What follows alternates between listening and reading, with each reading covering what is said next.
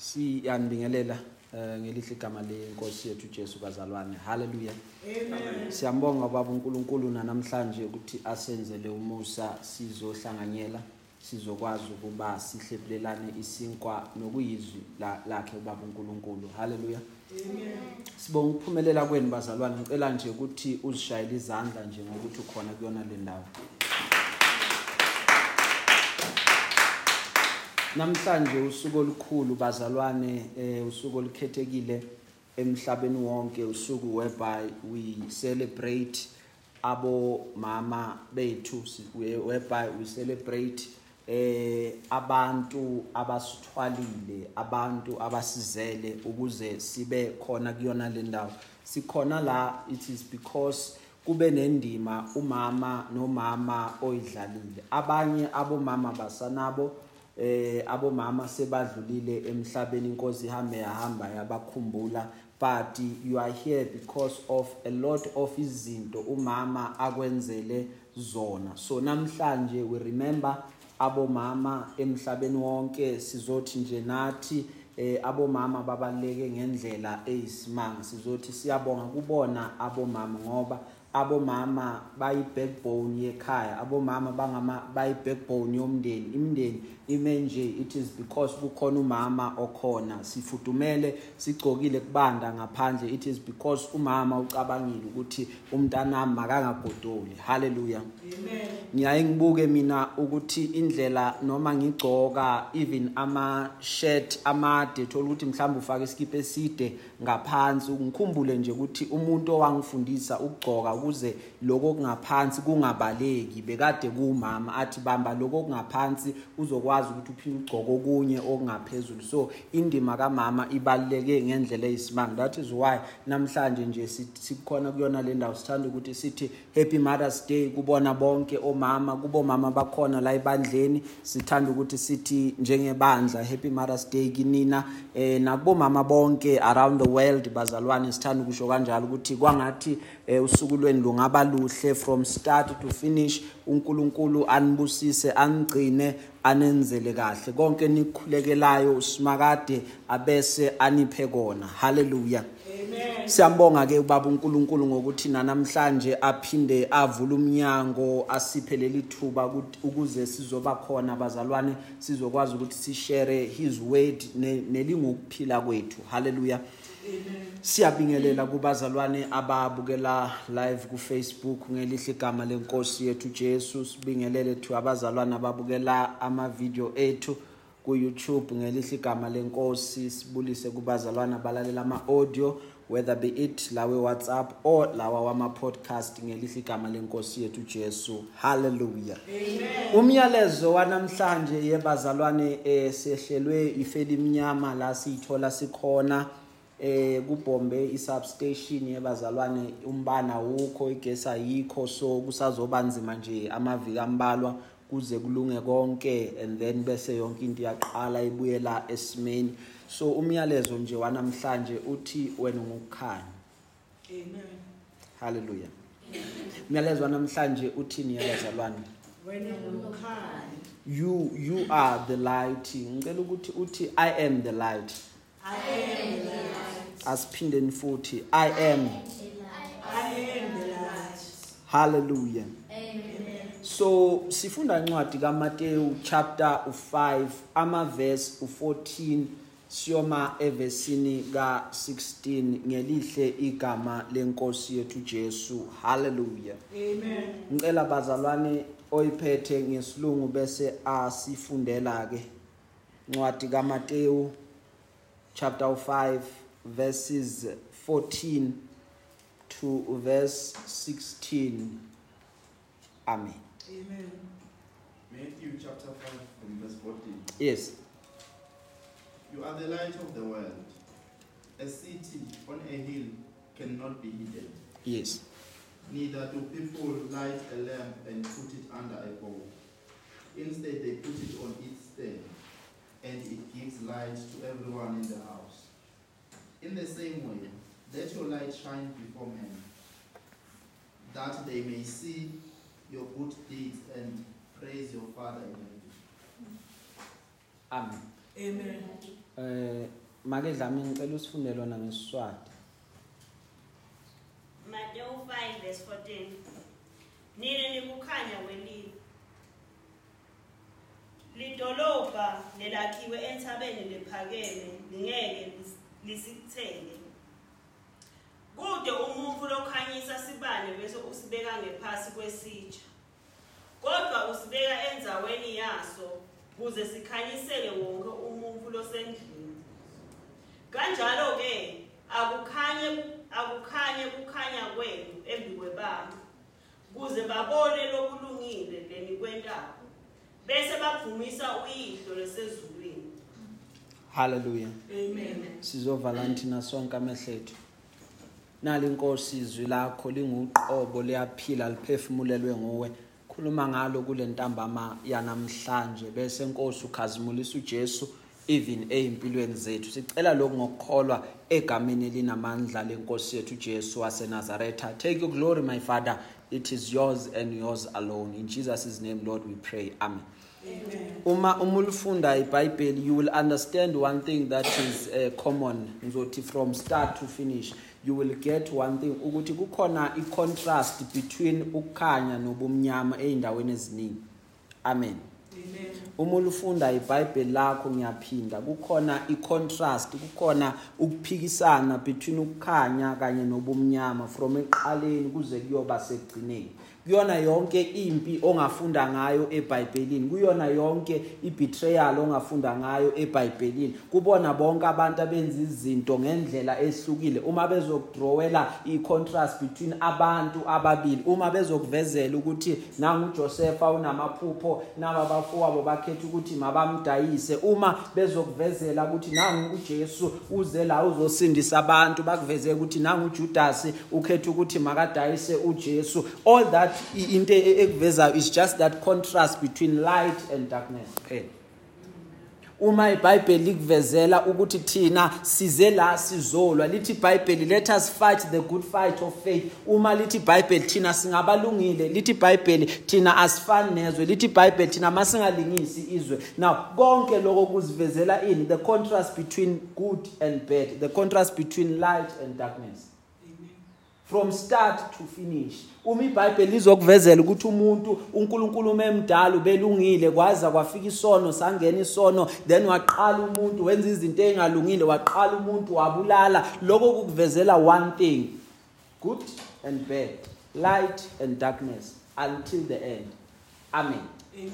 kuyona yonke impi ongayibuka eBhayibhelini kuyona yonke impi o- o- oyibonayo ukuthi la kukhona lokuphikisana kukhona lo lo owasuka eyofuna isibusiso kubaba. Konje ubani lo wasuka eyofuna isibusiso kubaba bazalwane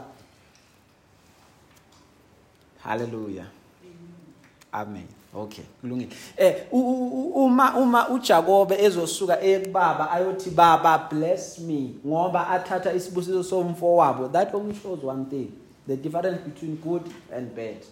Evil and good. Amen. Amen. always kukhona ukukhanya eBhayibhelini. Always kukhona ubumnyama. That is why lithi iBhayibheli thina singabokukhanya asibona abobumnyama amen. If bengingazithandela ngibe ne choice bekade ngingakhetha mhlawumbe ukuthi namhlanje sibuke uGenesis chapter 1 ama verse 1 ukuya evesini ka4 cela ukuthi uyivule quickly la iqaleni nje. Lithi iBhayibheli uma ulifunda eqaleni uNkulunkulu wadala izulu wadala kanye nomhlaba. Lithi iBhayibheli uverse 2 umhlaba wawukade uyihlane lingenalutho lithi iBhayibheli kwakungubumnyama phezukodwa lithi iBhayibheli kepha umoya kaNkuluNkulu wehla wenyuka phezukwamanzi lithi iBhayibheli uNkulunkulu wathi makube khona ukukhanya bese ukukhanya kwaba khona. Lithi iBhayibheli uNkulunkulu wabona ukuthi ukukhanya kuhle. Then maqeda uNkulunkulu wahlukanisa ukukhanya kanye nobumnyama. So uNkulunkulu from the, the the the beginning from the start he differentiated ukuthi la kukhona u- u- u- u- ukukhanya la kukhona ini ubumnyama. That is why uma ulandela even incwadi yamahubo. Uthi uDavide uma ekhuluma wena Jehova ungukukhanya kwami nensindiso yami. So i know ukuthi inkosi uma ngikuwena angikho mina ebumnyameni. So uNkulunkulu uwukukhanya kithina. Wherever he is then we know ukuthi la ekhona kunokukhanya. That is why uma uNkulunkulu had to deal with uIsrael uma uNkulunkulu had to deal with i- iGibhithe lithi iBhayibheli esinye sezinto uNkulunkulu ayiletha eh, ukuthi kube khona ubumnyama eGibhithe lonke. But lithi iBhayibheli la uIsrael ebekade ahleli khona eGosheni lithi iBhayibheli bekade kukhanya kwabamnyama ngendlela eyisimanga for 3 days. Lithi iBhayibheli umuntu bengakhona ukumuva la emekhona wayeme khona because lobumnyama was so intense. But uNkulunkulu made it a way ukuthi la kunabantwana bakhe khona there was light. Hallelujah. For god is light yebazalwane lithi iBhayibheli uma ulufunda ngelinye ilanga u- uMoses wasuka wayohlala noNkulunkulu entabeni. Uma ehleli noNkulunkulu entabeni lithi iBhayibheli uNkulunkulu wamngena uNkulunkulu wahlala kuyena uNkulunkulu wagcwala kuyena uNkulunkulu wamboza ngenkazimulo yakhe. Wathi uma eqhamuka uMoses before Israel lithi iBhayibheli bekachayina uMoses acwebezela angasabukeki. Baze bathi kuyena Moses ukukhanya kwakho ngazi ukuthi kufana nelanga uyasiphandla zimboze. Why? Because we cannot look at you. Because awukwazi ukuhlala noNkulunkulu wokukhanya maqeda ukukhanya kungabi kuwena. Ukukhanya always kuzovela kuwena. Ukukhanya always kuzomanifesta kuwena ngoba lo nkulunkulu esihamba naye bazalwane akayena unkulunkulu wobumnyama but uwunkulunkulu wokukhanya. That is why la sifunda khona incwadi kaGenesis ithi kwakade khona ubumnyama but unkulunkulu wangabi nendaba nokuthi khona ubumnyama but he spoke wathi let there be light. Maqeda kwabakhona ukukhanya ngobani? Ngoba unkulunkulu wokukhanya. Akayena unkulunkulu wobumnyama. Wathi let me come and then separate ukukhanya kanye nobumnyama. And uma separate ukukhanya kanye nobumnyama waqamba ubukhanya ngokuthi it is day. Waqamba ubumnyama. Wathi it is night. Hallelujah. Now lithi ke iBhayibheli uma uNkulunkulu ewukhanya we understand ukuthi God is our light. Uthi uDavide God is my light and my salvation. uNkulunkulu uwukukhanya kwami nensindiso yami. In other words ngibalekela kuyena. Uma ngibalekela uNkulunkulu you can rest assured ukuthi angibalekele ebumnyameni angibalekele endaweni engingayazi. I come to God because i know ukuthi mangifikile kuyena ngiyakuthola ini ukukhanya kuyena. Uma ngifikile kuyena ngiyakuyithola insindiso. Hallelujah. Now lithi ke iBhayibheli uthi uJesu uma efika njengendodana kaNkuluNkulu uma uJesu efika emhlabeni uthi uJesu mekhuluma nabafundi kumele ukuthi ngisebenze imisebenzi yalo ongithumileyo while it is still day. Ngimele ukuthi ngisebenze imisebenzi yalo ongithumile while kusakhanya ngoba buyeza ubumnyama la whereby umuntu kungekho khona umuntu ozobe asebenza khona. Why? Because kuzobe sekumnyama. That is why yebazalwane noma unga- ungayiphusha kanjani kubekiwe umzimba wakho ubekelwe ukuthi uzosebenza. Ang- angeke ukwazi ukuthi umzimba usebenze 24 hours without ukuthi ukhathale. Uyakhathala umzimba that is why kunama hour amisela ukuthi manje wasemini sebenza. Ama hour sebusuka amisela ukuthi lala. Ayithi khona laba abasebenzi night shift. So bona ipattern yabo ihlukile is different because kumele ukuthi alale emini but kubekiwe ukuthi wena kumele ulalile. Because kukhona isikhathi la umuntu engakhona ukusebenza khona kumiselwe it is said. Ayikho into umuntu angayenza. You can go uthi for 24 hours angilali but rest assured ukukhathala ozobunako uzobuza ukuthi budinga ukuba ngilale. Why? Because i did not rest. Uthi ujesu njengoba ngikhona emhlabeni ngize la ukuthi ngizosebenza while ilanga lisakhanya because we need to work while ilanga lisakhanya ngoba kuzofika isikhathi la kuyoba khona ubumnyama la kuyovalwa khona yonke into. Elithi ibhayibheli uma ulifunda kahle njengomfundi webhayibheli lithi ibhayibheli kuyofika isikhathi la abantu bayonxanelwa ukuthi bezwe nje intshumayelo bathole intshumayelo but lithi ibhayibheli kuyobe sekuvaliwe. Lapho isikhathi kuzabe sekusebusuku la kungekho khona umuntu ongasebenza. Kuyofu- kuyofika abantu bafuna abantu ukuthi basuke baye ey'ntabeni bayofuna nje ukuthi ubani ongasitshela ngezwi lakankulunkulu why? Because during the time kusemini kusakhanya bebakade balidebesela babona ukuthi izwi lenkosi angilidingi mina liyongenzelani. Wahlala umuntu wangalamukeli while it was still day but kuyofika isikhathi la kuyonqamula kho- kuyonqamuka khona kuyothiwa akungasashunyayelwa manje. Sekuyisikhathi sokuthi izwi selivaliwe sekuyisikhathi sokuthi ukuprofetha konke sekuvaliwe bese kula kuvuka khona indlala kubantu. Balinxanele lezi ukuthi ubani nje ongangitshela ngezwi lakankulunkulu? Why? Because bayekele iday yaze yadlula kwaze kwafika inight. That's why ujesu uma ekhuluma uthi mina while i'm still ezweni ngiwukhanya kwezwe. Amen. While ngisesezweni ngiwukhanya kwezwe. So izwe likhanya why? Because i'm here. And uma izwe likhanya ngoba yena ekhona rest assured noma sesuke ehamba kunento ayishiyayo ushiya that very same light. Because yena okokuqala lento iqhamuka kubaba ukhumbule uNkulunkulu yini? Ukhanya. uJesu mefika uthi sengikhona mina ezweni ngizoba yini? Ngizoba ukhanya. And akagcini lapho ukuthi abe yena ukukhanya kuphela. Uma sebashiya even abafundi bakhe uma selishiya ibandla uthi nina niukhanya kwezwe. Amen.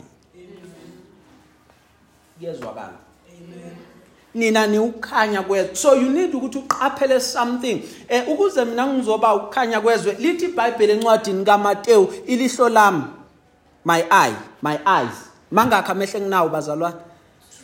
Awu2 angithi so lithi iBhayibheli isibani sami somzimba amehlo ami. So it matters ukuthi ngawami amehlo ngibonani it matters ukuthi ngawami amehlo ngibuke ini. Ngoba uma amehlo ami amahle kusho ukuthi umzimba wami wonke uza kuba muhle. Kepha uma amehlo ami amabi umzimba wami wonke uzoba mabi uzoba mubi.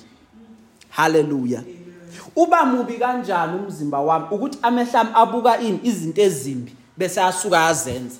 Then kusho ukuthi umzimba wami mubi. Bese kuthiwani mubi lo muntu? Why? Ngenxa yani? Yezenza zenzayo. But ngiba umuntu omuhle ngani futhi bazalwane? Ngezenzo engizenza. Na kuyenzeka ngokweBhayibheli lesizulu uma lichaza lithi iBhayibheli uma ukukhanya okukimina kubumnyama bukangakanani kimina ubumnyama obugcwele ngaphakathi kimina? Ngoba inga kula uthola khona abantu athi umuntu mina ngikhohlakela abantu angibathanda abantu angibafuni then you know ukuthi that person u- u- u- u- u dark akanakukhanya why? Because even the energy ayikhiphayo kuyena is a very dark energy. So you don't find light kuyena. Why? Because amehlo akhe lokakubukile abuke lokokubi kunokuba abuke lokokuhle amen. Uthi uPeter umekhuluma nina niuhlango olikhethekileyo upriest of course isizwe esingcwele.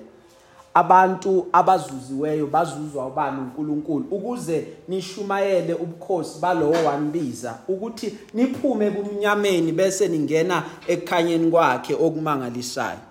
Ukushumayela kwethu ukuhambisa kwethu indaba lezi esizihambisayo elithi iBhayibheli indaba ezinhle. It is a, a, significant sign or a portion yokuthi siphumile ebumnyameni kepha sisekukhanyeni. Yingakho sibizela wonke umuntu ukuthi makangene kuphi ekukhanyeni ukuthi noma zi- zi- zibovu izono kepha ziyahlanzwa zibe mhlophe. Noma umuntu angathi ngi-evil kangakanani kepha unkulunkulu mekhona uyafika amguqule amguqule amshintshe amenze isidalwa esisha sikubone kuphi lokho ukuthi ziyahlanzwa zithethelelwe noma ziziningi kangakanani? Sikubone kithina ngoba ufike kuthina wa- wakwenza lokho. Ufike kuthina singathandeki. Ufike kuthina sisebumnyameni. Wathi we don't belong to the darkness. Wasithatha wasimikisa ekukhanyeni wathi thina asibona abantu bo- bobumnyama but singabantu bokukhanya. Wathi akube khona ushintsho so that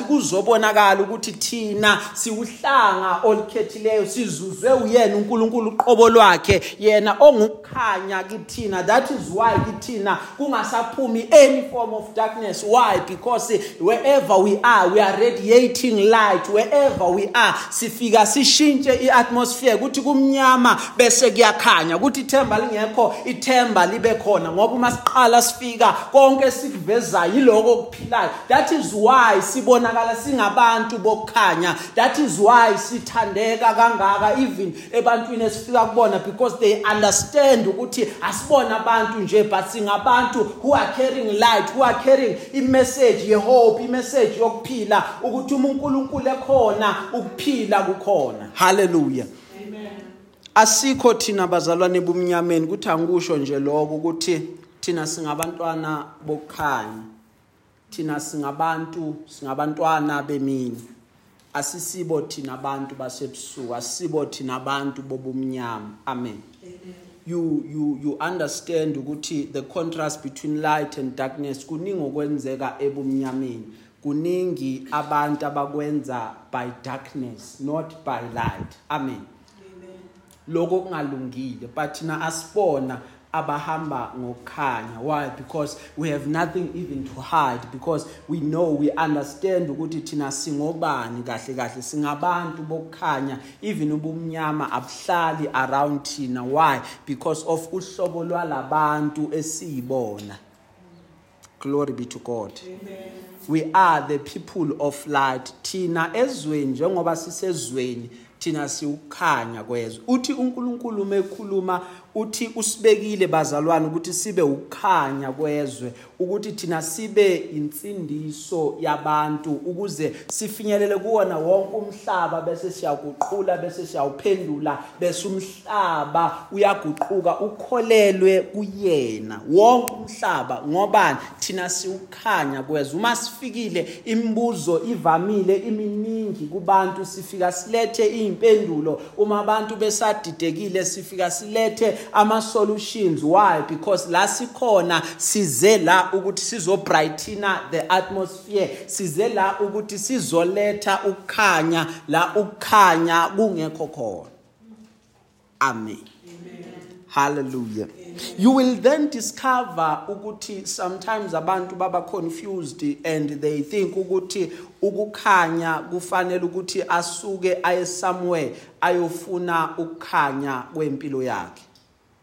Glory be to god. Amen. you don't have to go anywhere njengomntana kaNkuluNkulu uthi ngifuna ukuthi mangizuze ini ukukhanya mangizuze ini ifavor mangizuze umusa kaNkuluNkulu. That thing the minute nje uba umntwana kaNkuluNkulu it is automatically given to you. Why? Because wena uNkulunkulu has stated ezwini lakhe ukuthi wena ungumntwana wokukhanya wena umntwana wakhe amthandayo amkhiphile kumnyameni wamfaka ekukhanyeni amsusile. Labantu bangaboni khona wazombeka endaweni la abantu babona khona. That is why uma ekhuluma athi wena ukukhanya kwezwe izwe in other words libukela kuwena. Uthi uthi uJesu uma ekhuluma nifana nomuzi owakhiwe entabeni owakhiwe endaweni ephakeme. Lithi iBhayibheli lowo muzi lowo awukwazi ukuba usitheke. Wonke umuntu uyawubona. In other words ngendlela even eniphila ngayo it has to be exemplary. You need to live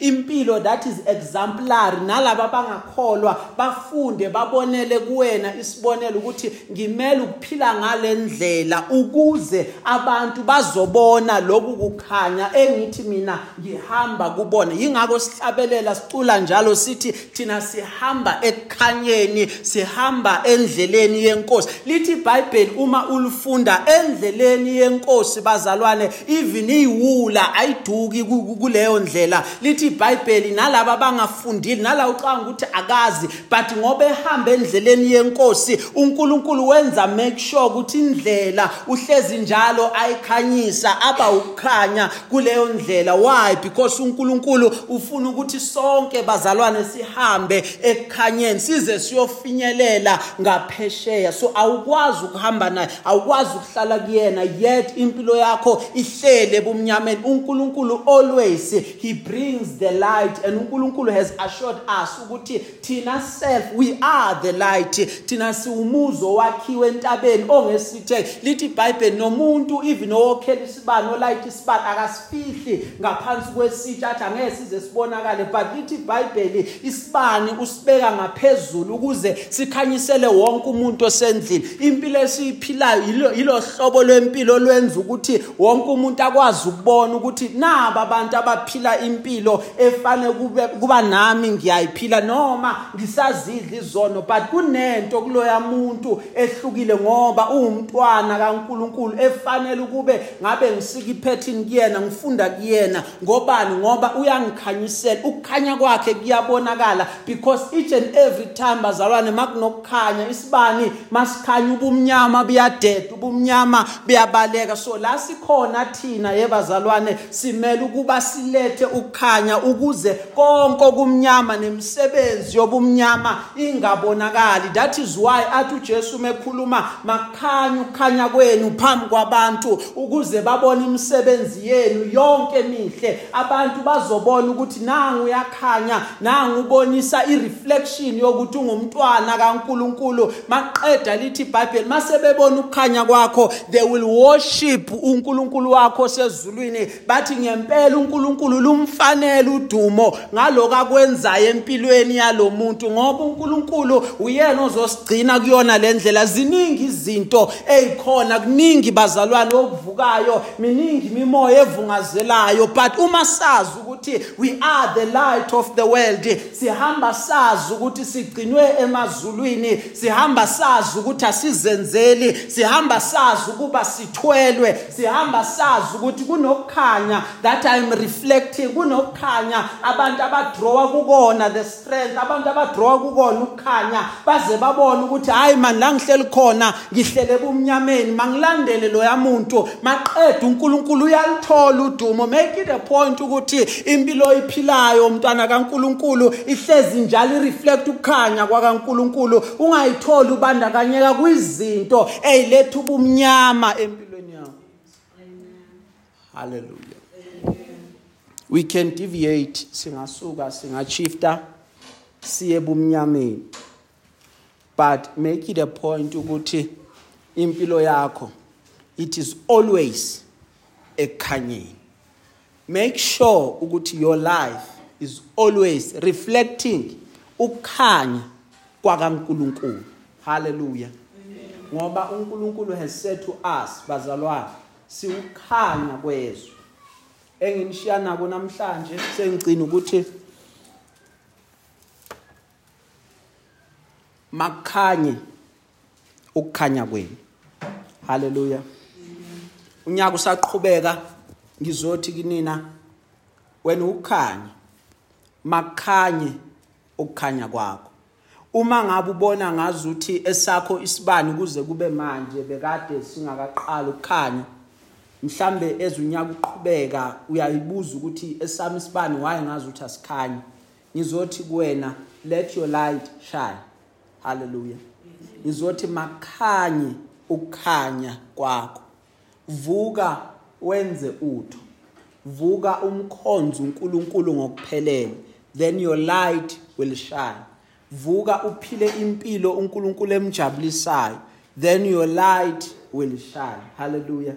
Uphila kanjani impilo emjabulisayo? Uphila ngokuba ulandele izimiso zakhe lezi ezisezwini lakhe. Then your light izoqala bese iyashine I- ilight yakho ibonakale kuwona wonke umuntu bese asho ngempela athi ukukhanya kwaloya muntu kuyabonakala ngoba i-charge that uKristu ashiya nayo ithi makhanye ukukhanya kwenu phambi kwabantu ukuze abantu bazodumisa uNkulunkulu uyise uyise wenu osemazulwini. Bayomdumisa ngokuba kwenzeke njani? Ngokuba babone thina ngendlela esiphila ngayo. So inkambo yethu yebazalwane ayihambe ngendlela emfuzayo efana nayo. That is why no Paul umekhuluma athi landelani mina njengoba ngilandela uKristu. So ukwenza ukuphila kwenu izenzo zenu zonke azibe exemplary of the Christian way of life of the Christian walk uKristu ayewayishiya kithina. Khona abantu bazomdumisa uNkulunkulu.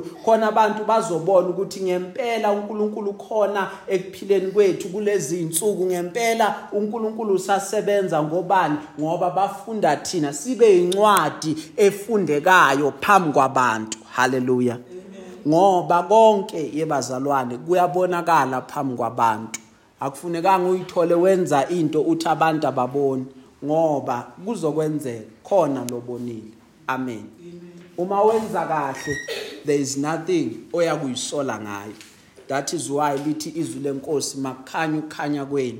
Ukuze abantu badumise uNkulunkulu osezulwini ngokuphila kwenu. Haleluya understand one thing sengiyagcina into ezokwenzeka abantu bazoguquka abantu bazomfuna uNkulunkulu uma bebona how we are living.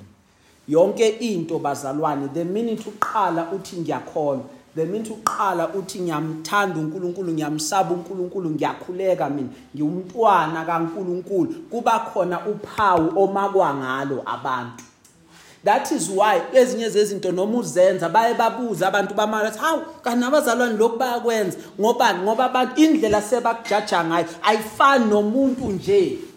Kunomuntu ekuhlaleni la uhlala khona "Ah, abantu abanandabana bayamazi vele uyabheda but wena waqala waphuma endleleni uzozwa ngabantu kuphakama ama-red flags same time khala ama-alarm ukuthi sekwenzakala yini? Sowujikiswe yini? Yingoba abantu abasabuki ngendlela e-ordinary ngobani uthe mina ngiwumntwana kaNkuluNkulu. That is why lithi iBhayibheli wena ukukhanya kwezwe. That is why lithi iBhayibheli ufana ne- ne- ne- nedorobhe elakhiwe on the hilltop engeke laze lasitheka. Wonke umuntu ubuka kuwe. Nalabo abangafuni ukuvuma. Egcineni bogcine bavumile ukuthi ukhona lo nkulunkulu wakho ngoba wonke umuntu ubuke kuwena ukuthi wena wenzani.